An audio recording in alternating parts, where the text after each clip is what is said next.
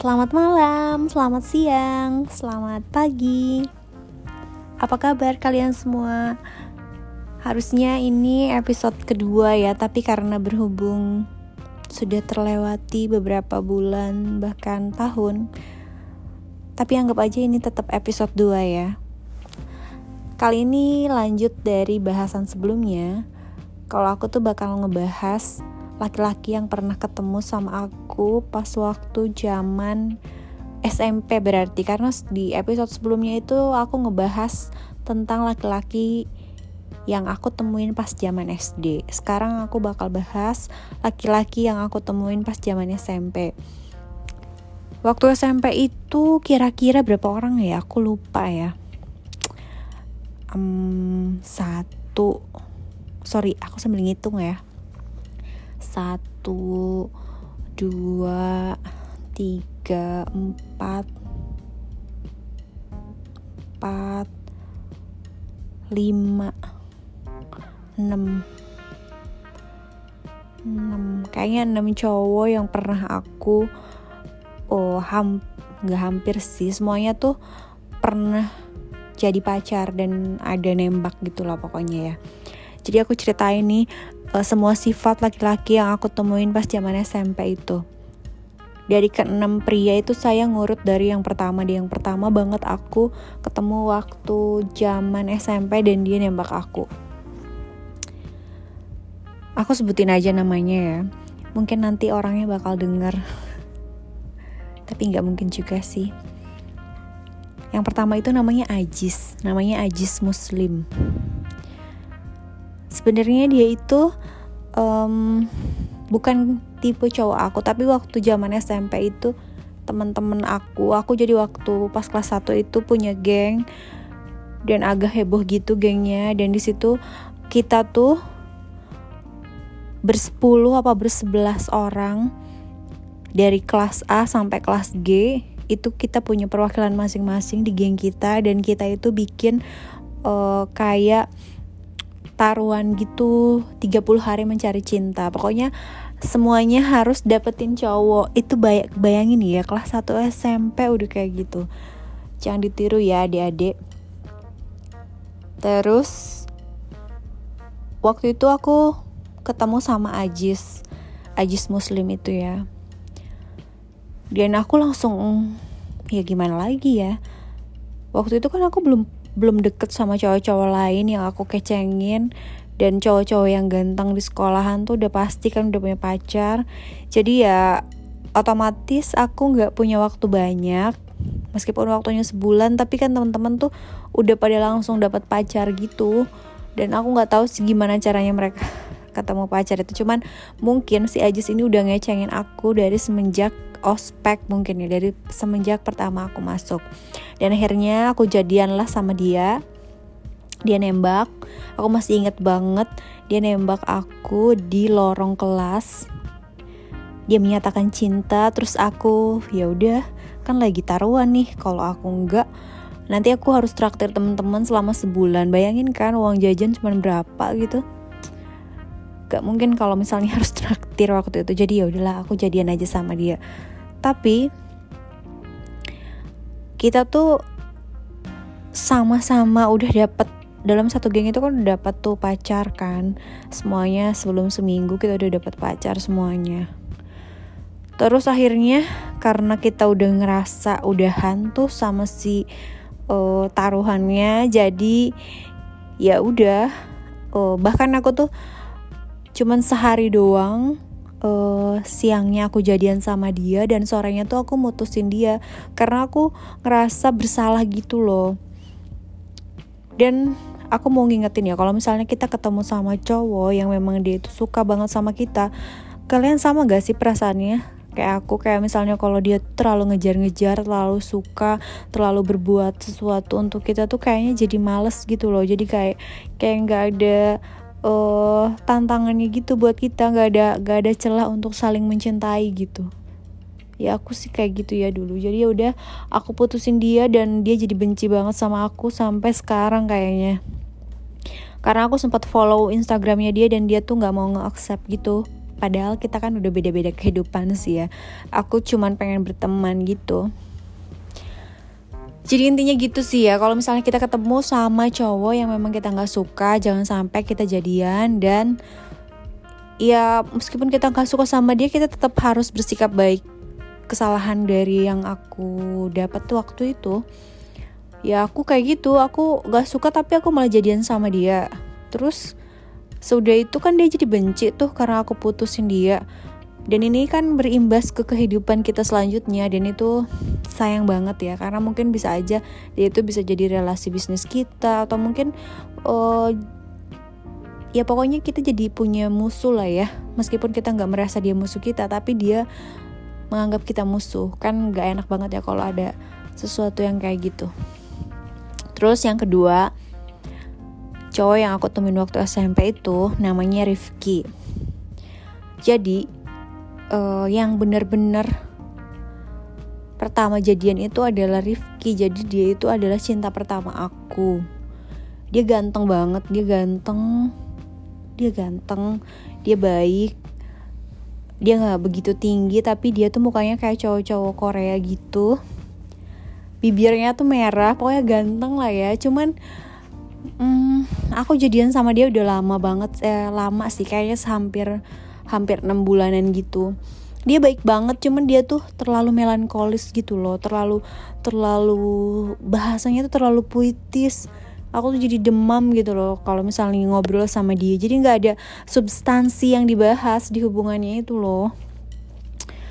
Aku suka sih sama dia tapi uh, kayak kurang gitu loh kayak kurang kayak cuman waktu itu padahal satu sekolahan ya.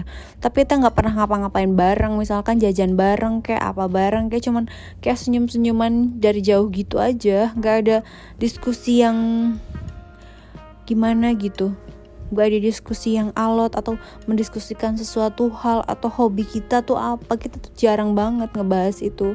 Dan jadinya tuh uh, aku nggak dapet nggak dapet uh, sesuatu gitu loh dari dia. Maksudnya tuh nggak dapet sesuatu yang uh, momen momen momen yang sebenarnya aku jadian sama dia enam bulan tapi selama enam bulan itu yang aku inget cuman uh, SMS-an doang dan ngobrol pun kayaknya jarang banget ya. Cuman SMS-an doang jadi kayaknya aku basi banget gitu loh sama dia. Terus uh, jadinya aku pas lagi pacaran sama dia itu sempat deket sama kakak kelas cuman kakak kelasku itu punya pacar. Nah namanya tuh Rio. Ya dia anak kelas 3 dan aku jadi punya masalah tuh sama anak kelas 3 oh ya buat yang cowok yang kalau misalnya kita ketemu sama cowok yang model kayak Rifki ini yang dia cuman bisanya tuh uh, via chat kalau ngobrol jadi nggak asik. Ya kalau menurutku sih kita kan kalau misalnya cari pasangan itu harus yang bisa diajak diskusi atau mungkin kalau aku sih pengennya sih dia lebih pintar dari aku jadi dia tuh bisa ngasih wawasan luas buat kita gitu kan. Jadi kalau misalnya dia cuman terlalu melankolis dan kayak gitu sih rasanya kita saranin aja di cowoknya buat buat jadi anak band atau enggak nulis lagu gitu biar bermanfaat. Jadi waktu itu kayak gitu sih jadi aku saranin sih buat kalian yang memang ketemu sama cowok-cowok kayak gitu kayak udah deh uh, kayaknya mungkin masa depannya kita nggak tahu ya cuman kalau misalnya orang komunikasinya kurang ya gimana ya? Terus terlalu melankolis gitu terlalu baper terlalu mendramatisir sesuatu jadinya tuh oh, gimana? gitu. Ribet kan kalau sama orang-orang kayak gitu. Laki-laki kan gak boleh kayak gitu ya harusnya. Harusnya dia tuh lebih lebih kuat ketimbang kita gitu. Bukannya kita yang kayak di kita lakinya dia ceweknya kan aneh kan. Jadi intinya gitu ya kalau misalnya kalian ketemu sama cowok yang mau ketemu sama model si Rifki ini. Terus yang ketiga aku ketemu sama cowok namanya Rio. Waktunya sih deket-deketan ya antara ketemu sama Rifki dan Rio itu. Cuman aku nggak tahu ya kalau ternyata Rio itu punya pacar sama-sama kelas 3 dan otomatis dia itu kakak kelas aku dan aku pasti bakal dilabrak kan dan memang dilabrak aku tuh. Pokoknya udah kenal lah habis-habisan karena si cewek itu merasa tersakiti oleh si Rio ini. Tapi yang jelas aku mau ceritain ini sifatnya Rio itu adalah dia itu ter tergolong anak-anak yang mungkin pada waktu itu dia nakal ya dia nakal tapi uh, dia tuh nakal tapi kece gitu loh. Dan orang-orang tuh pada kenal dia gitu. Terus uh, kalau nggak salah sih dia salah satu orang populer di sekolah juga ya. Karena uh, dia termasuk orang populer di daerah daerah aku itu di daerah uh, sekolahan aku itu. Jadi otomatis meskipun dia nakal tapi dandanannya dia kece ya tetap jadi cewek-cewek tuh pasti bakal tetap tertarik gitu ya dan aku pun waktu itu tertarik sama dia. Selain penampilan dan kepopulerannya dia dia tuh uh, dia juga ganteng. Mukanya ganteng. Kalau zaman sekarang tuh rambutnya kalau zaman zamannya uh, boy band tuh siapa ya? Boy band tuh yang ada Morgan terus pokoknya rambut-rambutnya yang kayak gitu aja. Pokoknya dia tampilannya kayak gitu. Dan dia tuh ternyata asik diajak ngobrol. Dan meskipun dia nakal dia tuh pinter. Pinternya tuh dia bisa ngebahas apa pun.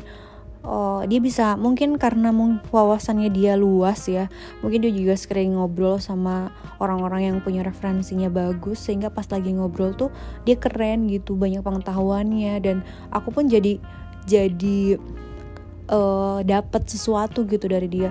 Jadi ada ada ya pokoknya ada yang bisa kita ambil dari apa yang kita bahas dengan si cowok ini gitu. Dan sebenarnya sih aku rekomendasiin cowok yang model kayak Rio ini ya. Cuman mungkin dia punya kelemahan ya. Dia tuh sebenarnya udah punya pacar tapi dia deketin ya namanya juga cowok ya. Cewek juga banyak sih yang kayak gitu. Ya mungkin itu sih kurangnya. Dia udah punya pacar tapi dia deketin cewek lain. Itu kurangnya. Tapi kalau misal model tipe-tipe cowok yang interaktif terus dia dia salah satunya dia yang uh, bagus pembawaannya karena referensinya luas dan uh, aku yakin sih dia pinter ya. Sekarang sih kalau nggak salah dia tuh sekarang jadi dia jadi grup uh, punya grup band gitu di Bandung. Aku sekarang aku nggak tahu sih nama grup bandnya apa cuman terakhir sih aku denger dia jadi dia punya grup band gitu dan bandnya udah uh, lumayan terkenal. Tapi aku nggak mau sebutin namanya uh, grup bandnya apa.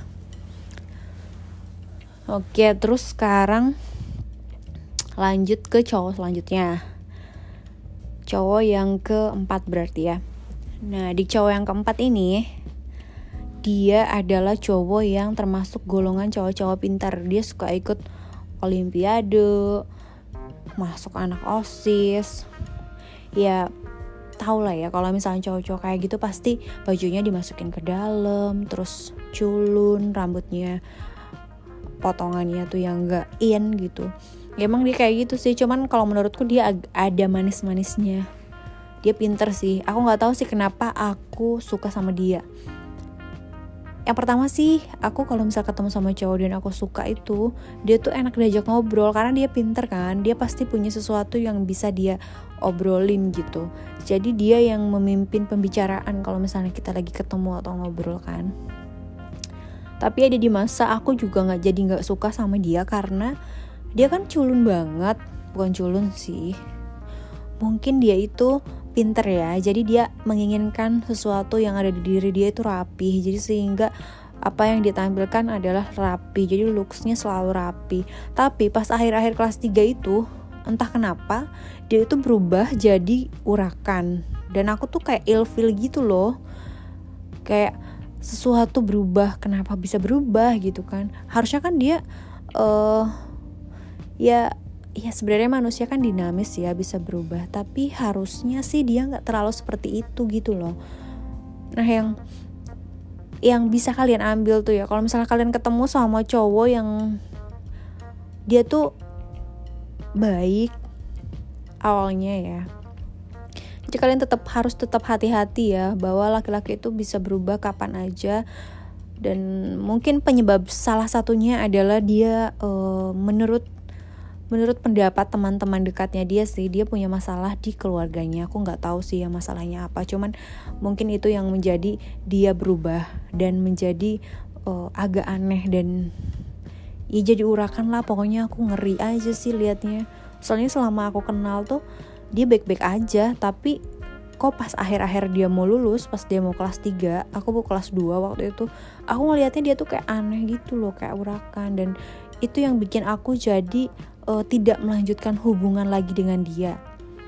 Dan aku tuh setiap kalau pacaran tuh pasti aku selalu bikin masalah ya. Karena aku nggak tahu ya kalau nggak berantem itu rasanya tuh kurang oke okay gitu. Karena harus ada perhelatan hebat. Karena aku pengen ada diskusi sebenarnya ya bukan pengen berantem ya sih.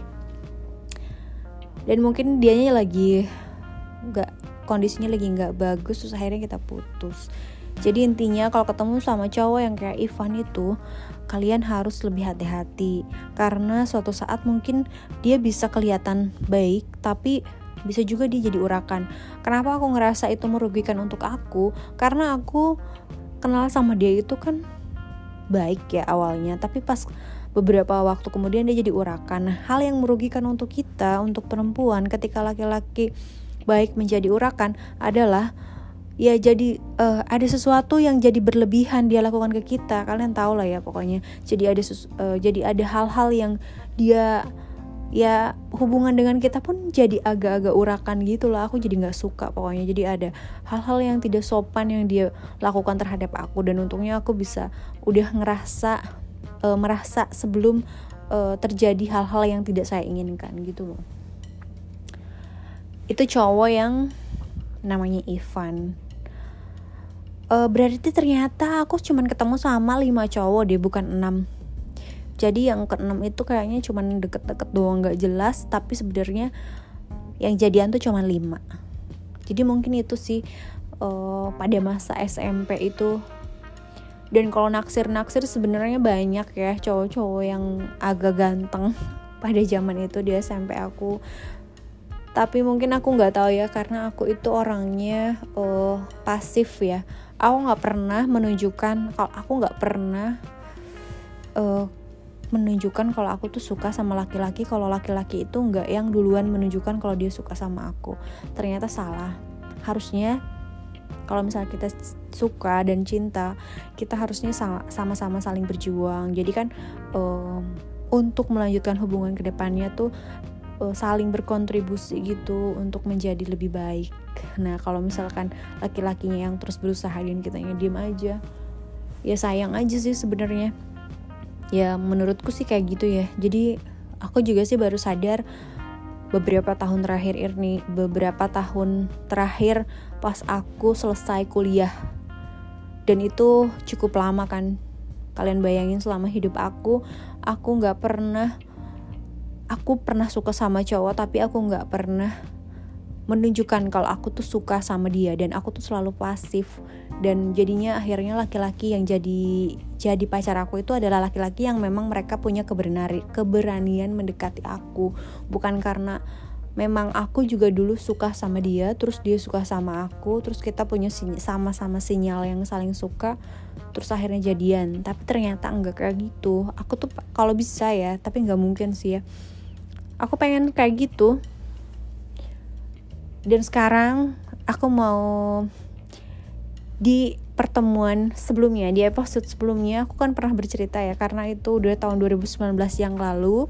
Dan aku masih single waktu itu. Sekarang aku sudah menikah. Aku menikah di bulan Maret tepatnya tanggal 14 dan alhamdulillahnya tuh sebelum pandemik ini merebak luas dan aku masih bisa melaksanakan resepsi dan teman-teman pun dari luar kota masih bisa datang dan itu aku syukur syukur banget syukur alhamdulillah banget. Oke mungkin itu saja ya uh, podcast malam ini. Jadi itu beberapa hal yang bisa kalian uh, ambil beberapa hal yang bisa kalian ambil tentang macam-macam cowok yang siapa tahu uh, sekarang kalian lagi PDKT atau lagi deket sama cowok dan di antara kelima cowok yang pernah aku temuin itu adalah salah satunya yang mirip dengan cowok-cowok yang de sedang deket sama kalian. Dan aku saranin sih kalian harus penuh pertimbangan ya karena masa muda itu adalah uh, investasi besar jadi kalian harus pikirin ya jangan sampai kalian merasa uh, kalau sudah melewatinya itu jadi menyesal gitu Oke, okay? Sampai jumpa di episode selanjutnya. Dah.